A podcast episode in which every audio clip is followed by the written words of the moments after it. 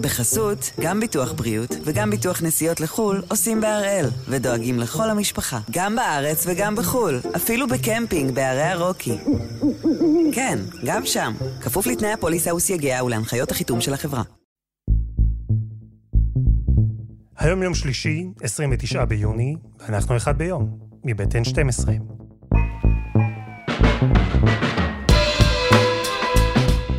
אני אלעד שמחיוף, ואנחנו כאן כדי להבין טוב יותר מה קורה סביבנו, סיפור אחד ביום, כל יום. בואו נדבר רגע על טקסט ועל סאבטקסט. החוק הפולני החדש שעבר לפני כמה ימים בפרלמנט לא מזכיר בכלל יהודים.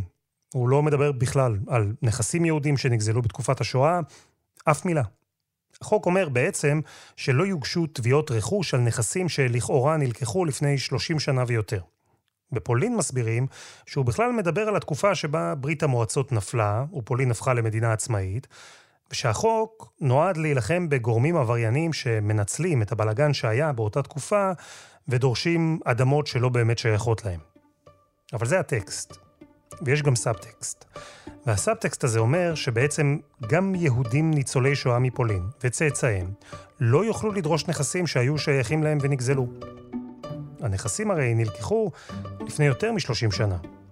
שר החוץ לפיד תקף ואמר שמדובר בהכחשת שואה. ראש הממשלה הפולני הגיב ואמר שכל עוד הוא בתפקיד, פולין לא תשלם אפילו זלוטי או אירו אחד על פשעים שעשו בכלל הנאצים. משרדי החוץ קראו לשיחות נזיפה לשגרירים, והיחסים בין שתי המדינות הגיעו לרמות שיא של מתיחות. וכאן בערך היה אפשר לסיים. אלא שהסיפור הזה הוא בכלל הרבה יותר גדול. זה לא סיפור על חוק אחד. זה אפילו לא סיפור על נכסים יהודים שנגזלו. זה סיפור על נרטיב של אומה שעוסק באחת התקופות החשוכות שידעה האנושות. זה סיפור על מה שהפך לניסיון מתוכנן ומוקפד של פוליטיקאים לעצב מחדש את תקופת השואה. ויחד עם הפרופסור חוי דרייפוס, היסטוריונית שמתמחה בתולדות השואה בפולין מאוניברסיטת תל אביב ויד ושם, ננסה להבין מה בעצם ממשלת פולין מנסה לעשות כשהיא פותחת וכותבת מחדש את ספרי ההיסטוריה.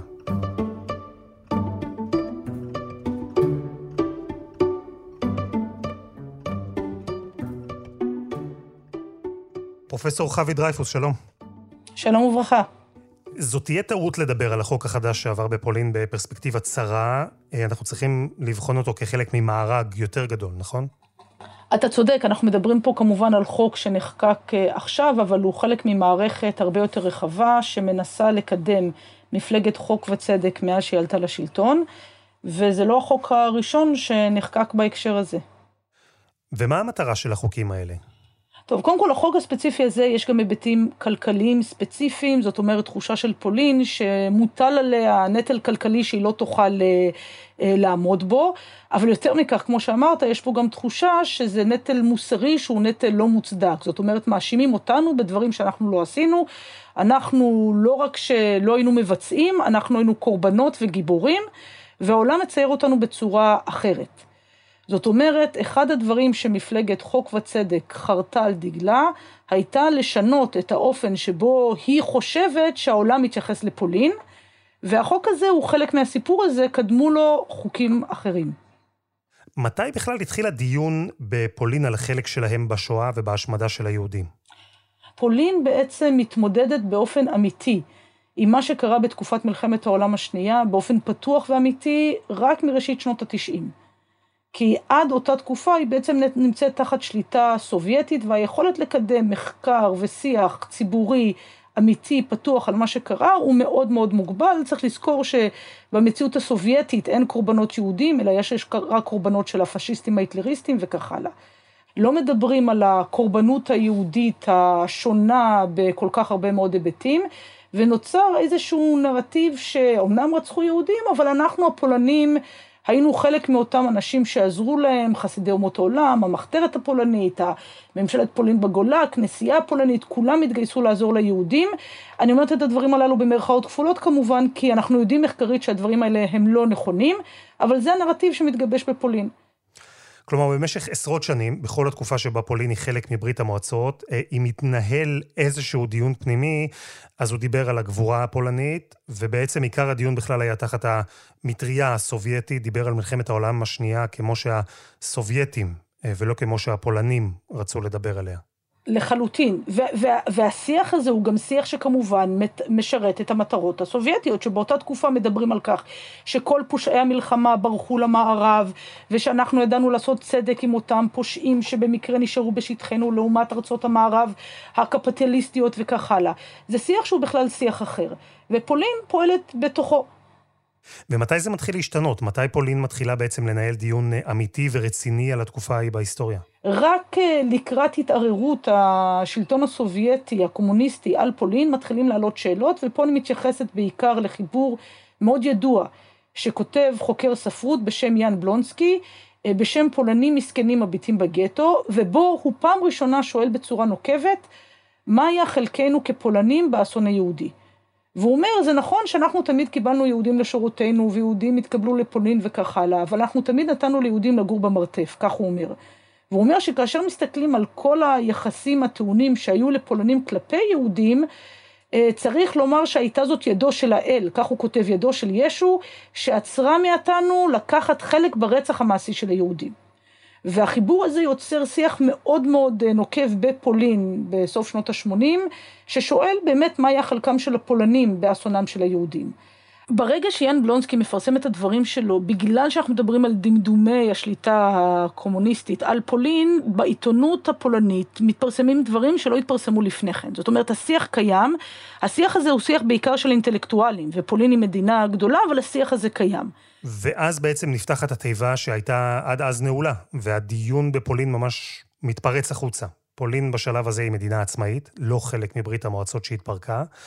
ובפעם הראשונה נשמעים בה קולות שדורשים לעשות חשבון נפש על ההתנהלות הפולנית בשואה. אה, אני קראתי לזה דיון, אולי אפשר לקרוא לזה גם ויכוח. לא סתם פולין היא המדינה היחידה באזור שלא העבירה חוק שמסדיר מה עושים עם נכסים של יהודים שנגזלו בשואה. היא הפנתה תביעות כאלה להליך רגיל, מסורבל, בבית המשפט. בעצם אנחנו מדברים על תקופה, שנות ה-90, תחילת שנות ה-2000, שהוויכוח הזה בפולין רק מתחיל להתעורר.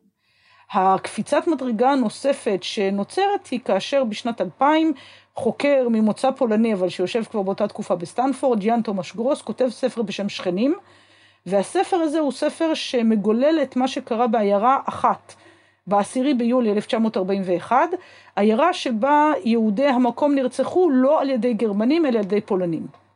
פרסום הספר הזה גורם לסערה של ממש בפולין. מצד אחד אנשים שאומרים מה פתאום, זה סתם האשמות שאין להם בסיס, הגרמנים רצחו את היהודים, ובעצם בכלל מי שנרצחו זה היו היהודים הקומוניסטים, ואולי בכלל הגיע להם. ומצד שני קולות שבאותה תקופה הם הקולות שהשלטון מקדם. המשטר הזו שונה מהמשטר היום, שטוענים אנחנו חייבים לעשות דין וחשבון נוקב עם עצמנו. ואיך זה מתקבל? צריך לזכור שמלחמת העולם השנייה, ובכללה השואה, היא פצע פעור בפולין. זאת אומרת, זה לא איזשהו אירוע היסטורי קטן שלא קשור אלינו, זה באמת חלק מהזהות הפולנית, ופולין בתקופת מלחמת העולם השנייה הייתה, הייתה תחת דיכוי איום ונורא. משטר כיבוש דרקוני, והסיפור הזה הוא חלק מאוד מאוד חשוב גם מהאופן שבו פולין מגדירה את עצמה היום. מי אני, מי אנחנו כ, כפולנים, כאזרחי אירופה, ואיפה אנחנו היינו בסיפור הזה. ובסיפור הזה צריך לזכור שאין ספק שהפולנים היו קורבנות. הוויכוח הוא לא אם הפולנים היו קורבנות, כי אין ספק שהפולנים היו קורבנות גם של גרמניה הנאצית, גם של רוסיה הסובייטית. הטענה היא שחלק מאותם קורבנות היו גם כן רודפים עבור, עבור אנשים אחרים, ואלה הם אותם יהודים. ובעניין הזה זה דבר שקשה לחלק מהאוכלוסייה הפולנית, מהאקדמיה הפולנית, מהציבור הפולני, אה, לקבל, ועל זה בדיוק מתקיים אותו ויכוח.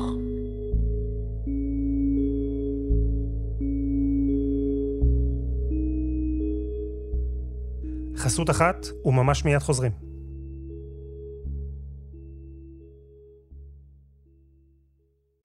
בחסות, גם ביטוח בריאות וגם ביטוח נסיעות לחו"ל עושים בהראל, ודואגים לכל המשפחה, גם בארץ וגם בחו"ל, אפילו בקמפינג בערי הרוקי. כן, גם שם, כפוף לתנאי הפוליסה וסייגיה ולהנחיות החיתום של החברה. פרופסור דרייפוס, אנחנו מגיעים בשלב הזה לשנת 2015. עוד נקודת מפנה ביחס של הפולנים בתקופת השואה, ואם אמרנו שאחרי המלחמה ועד שנות ה-90 זו התקופה הראשונה, תקופה שבה כל הדיון הפולני הוא תחת האינטרס של ברית המועצות, משנות ה-90 יש כבר דיון ער ואמיתי וויכוח עד כמה הפולנים הם הקורבן ועד כמה הם היו התוקף. אז ב-2015 עולה לשלטון מפלגת חוק וצדק. זו מפלגה ימנית, שמרנית, דתית-קתולית, אולטרה-לאומנית, והעמדה שלה בוויכוח הזה היא מאוד ברורה. יש צד פוליטי שאומר, יש לנו פה השחרה מכוונת של שמה של פולין, וחלק מהמצע הפוליטי שלהם, זה רק חלק, כי מדובר על מפלגה שמרנית, דתית, מדובר על אה, הרבה מאוד היבטים, כאמור, גם כלכליים וגם חברתיים שהיא רוצה לקדם, אבל בין השאר היא, היא חורטת על דגלה את העניין שאנחנו נחזיר את שמה הטוב של פולין לכותרות. אנחנו נפעל בצורה מעשית כנגד מי שמשחיר את שמה של פולין. עכשיו, חלק מהמצע הוא מצע שכוונתו באופן מפורש לשנות את הנרטיב בתוך פולין וגם מחוצה לה. הם אומרים, אנחנו ניאבק כנגד כל מי שמדבר על מחנות פולנים. כי לא היו מחנות שהוקמו, לא היו מחנות פולנים, אלא היו מחנות של גרמניה הנאצית שהוקמו בפולין הכבושה. את ההיבט הזה, שהיסטורית הוא כמובן נכון, הם מרחיבים להרבה מאוד היבטים אחרים, שהיסטורית הם לא נכונים. וזאת בדיוק הנקודה. תני לי דוגמה. דוגמה, שוב, אין ויכוח לגבי העובדה שהפולנים לא אשמים בכך שגרמנים רצחו יהודים בשטחי פולין. הפולנים גם כן לא אשמים, וגם זה דבר שחשוב להגיד, בכך שגרמניה הנאצית בחרה, בחרה להקים את מחנות ההשמדה בפולין הכבושה. לפולנים לא היה שום say בזה, הם היו תחת משטר באמת קשה, איום ונורא, ואף אחד לא שאל את דעתם, וכל מיני אמירות שהקימו שם את המחנות בגלל שאנטישמיות או כל דבר אחר, אין להם שום בסיס היסטורי. הדברים הללו הם בהחלט נכונים. מצד שני, הניסיון לבוא ולהגיד שהחברה הפולנית כחברה, ממשלת פולין בגולה, המחתרות הפולניות, הכנסייה הפולנית, התגייסו לעזור ליהודים בתקופת מלחמת העולם השנייה, שהעם הפולני הוא עם של חסידי אומות עולם, הדברים הללו הם דברים שאין להם שום בסיס היסטורי, והבעיה היא שממשלת פולין הנוכחית מנסה להפוך אותם לדבר, לדבר קיים למרות שאין לו שום בסיס. וזה באמת בא לביטוי בצורה בעיניי מחפירה בסיפור הזה של ההצהרה המשותפת.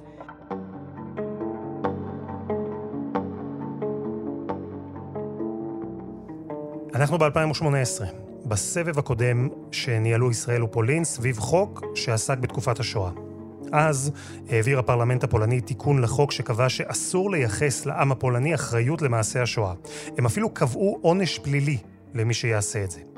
אז בעצם הכוונה של מפלגת חוק וצדק להרחיק לחלוטין את העם הפולני ממה שנעשה בשואה, להטיל את כל האשמה על גרמניה הנאצית, אז בפעם הראשונה הכוונה הזו הגיעה לדיון ציבורי בינלאומי. וישראל מחתה. זה ניסיון לשנות את ההיסטוריה, הלכו צעד אחד יותר מדי.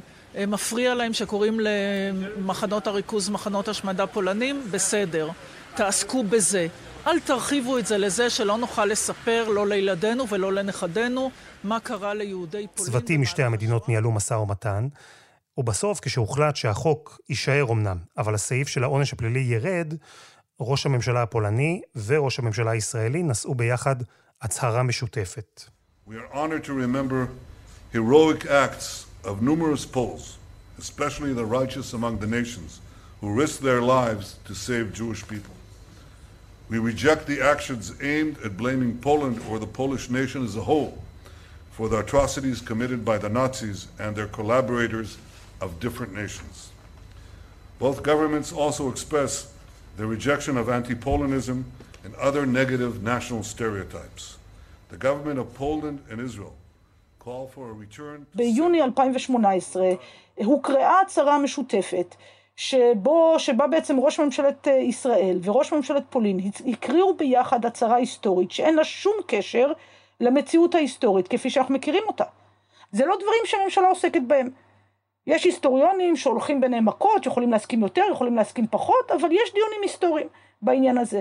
העובדה שראש ממשלת ישראל בא ומקריא הצהרה שהיא לגמרי פולנית, זאת אומרת באמת, אה, ומשקפת נרטיב פולני שהוא פשוט מאוד לא נכון, אבל יותר מאותן אמירות היסטוריות צריך לזכור שבחסות ובצל אותה הצהרה משותפת נעשה שינוי חוקי אה, בחוקים בפולין. והחוקים הללו נעשו בסופו של דבר בברכתנו, בברכת מדינת ישראל. מה השתנה למשל? אז זה נכון שהחוק הראשוני דיבר על כך שכל מי שיגיד, זה היה לשון החוק, כל מי שיגיד, יתבטא בפומבי וכנגד העובדות, כי העם הפולני או החברה הפולנית נטלו חלק מלא או חלקי אה, בפשעים, בפשעים של גרמניה הנאצית, יהיה צפוי לעונש של מאסר עד שלוש שנים, אלא אם כן הוא עשה את זה כחלק מעבודתו המדעית או המחקרית, אז המשפטים האלה שונו, והחובה, האשמה הפלילית ירדה, אבל בעצם החוק שונה בחסות אותה הצהרה משותפת, ונפתח פתח רחב לתביעות אזרחיות. ונס... ואותה החרגה לכאורה להיסטוריונים, סליחה, למדענים ולאומנים, שלא, שלא הרגיע אף אחד מאיתנו אז, אבל כרגע אין החרגה כזאת, והמשמעות היא שגם אם חוקר פולני אומר דברים שאינם כנגד העובדות, עדיין ניתן להעמיד אותו לדין אזרחי ולהטיל עליו קנסות מאוד גדולים. ואולי הדבר החמור ביותר שנעשה בחסות אותו חוק, זה שיש בפולין מוסד מאוד מאוד חשוב וגדול שקוראים לו ה-EPN, שהוא בעצם המוסד לזיכרון לאומי. זה מוסד שאמור לחקור, לתעד ולתבוע מקרים שבהם אה, היו פשעים כנגד אזרחים פולנים תחת השלטון הקומוניסטי או תחת השלטון הנאצי. ובחסות אותה הצהרה משותפת, החוק של אותו מוסד השתנה. והחוק היום אומר שהתפקיד של אותו מוסד זה לשמור על שמה הטוב של פולין. זאת אומרת, הוא כבר לא מחויב לתיעוד, והוא כבר לא מחויב למחקר, והוא כבר לא מחויב לאמת ההיסטורית, תגדיר אותה איך שתגדיר אותה. הוא מחויב להגן על שמה הטוב של פולין. ואת הפירות של הדברים הללו אנחנו יכולים לראות גם באווירה הציבורית. כבר אמרתי לך לפני כן שמחקרים חשובים בצורה בלתי רגילה נכתבו על ידי חוקרים פולנים. ולמעשה המחקרים החשובים ביותר שנכתבו בשנים האחרונות על שואת יהודי פולין, נכתבו על ידי חוקרים פולנים. אבל האם יצמח דור חוקרים צעיר שיוכל לכתוב בצורה חופשית כאשר יש מוסד ממלכתי שמגן so called על שמה הטוב של פולין? המציאות הזאת היא מציאות מאוד מאוד מטרידה. אה, זהו, שאנחנו מנהלים פה דיון שהוא חצי אקדמי, אבל אנחנו לא מדברים על סימנטיקה, כי לאירועים האלה יש השפעה של ממש גם ברחוב. בקהילה היהודית בפולין אומרים שבכל פעם שנושא כזה עולה לדיון, יש גם עלייה באנטישמיות. וגם עכשיו, ברשתות החברתיות יש שיח שלם על זה שבעצם הקרב על חוק הנכסים קורה רק כי מה שמעניין את היהודים זה כסף. הוויכוח הזה הוא ממש לא ויכוח שמתנהל רק בספרי ההיסטוריה. במסגרת הניסיונות של ממשלת פולין לעצב את השיח, יש גם ניסיון להשתלט ולעצב מחדש מוזיאונים או לבנות מוזיאונים שישקפו את אותם נרטיבים של ממשלת פולין. וזה בא לידי ביטוי אם זה במוזיאון של אה, לתולדות מלחמת העולם השנייה, שהיה אמור להיפתח ושהתערוכה בו שונתה אה, מיד אחרי אה, עלייתה של המפלגה הזאת לשלטון.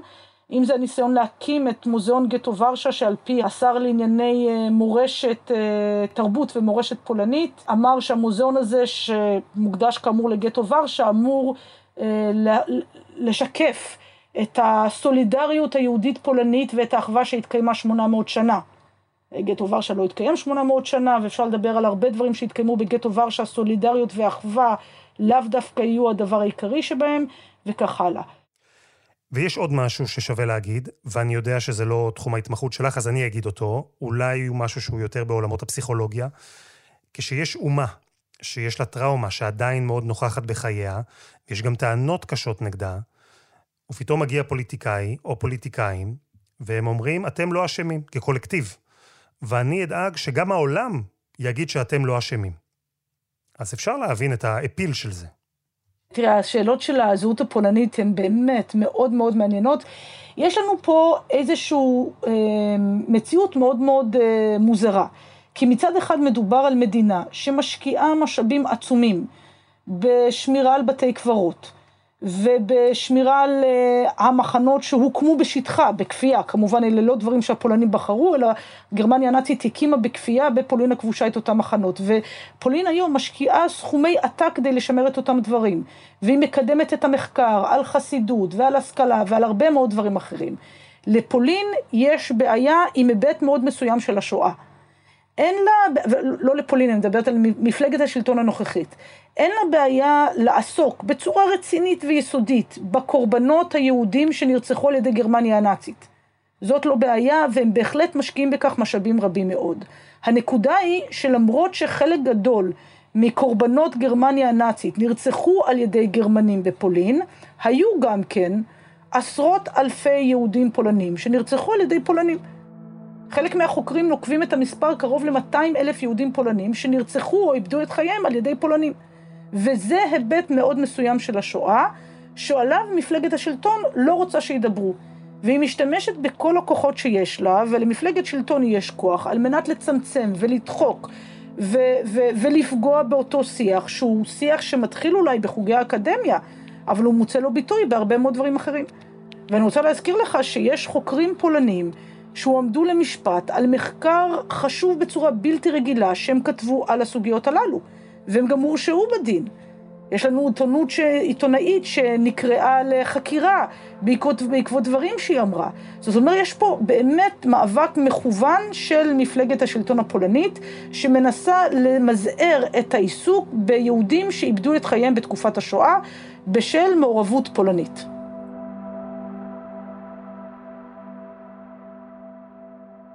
אני מקווה שתרשי לי לשאול אותך אה, שאלה אישית. את אומנם חוקרת, אקדמאית, אבל אני שומע גם שהסיפור הזה מאוד מכעיס אותך. את אה, אמוציונלית כשאת מדברת עליו. הסיפור הפולני מרגיז אותי אה, משתי סיבות. קודם כל, כשאתה רואה שבארכיונים ובתעודות כתוב X, ויש ניסיון כוחני לקדם Y, הוא דבר שמאוד מאוד מכעיס.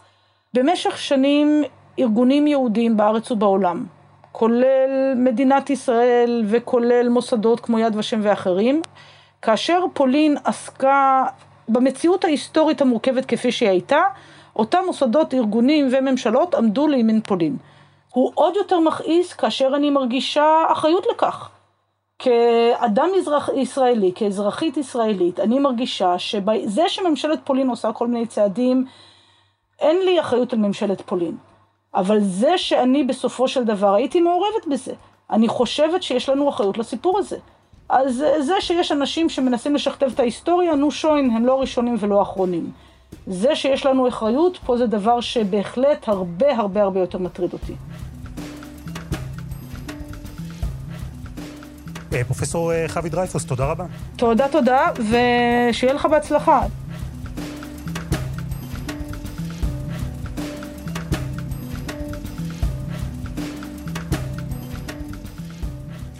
וזה היה אחד ביום, מבית N12.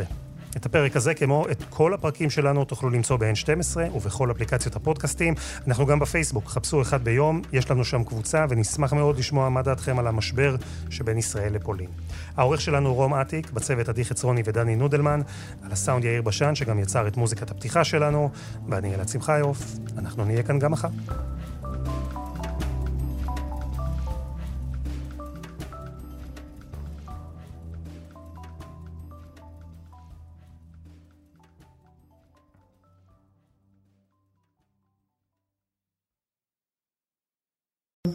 בחסות, גם ביטוח בריאות וגם ביטוח נסיעות לחו"ל עושים בהראל, ודואגים לכל המשפחה, גם בארץ וגם בחו"ל, אפילו בקמפינג בערי הרוקי.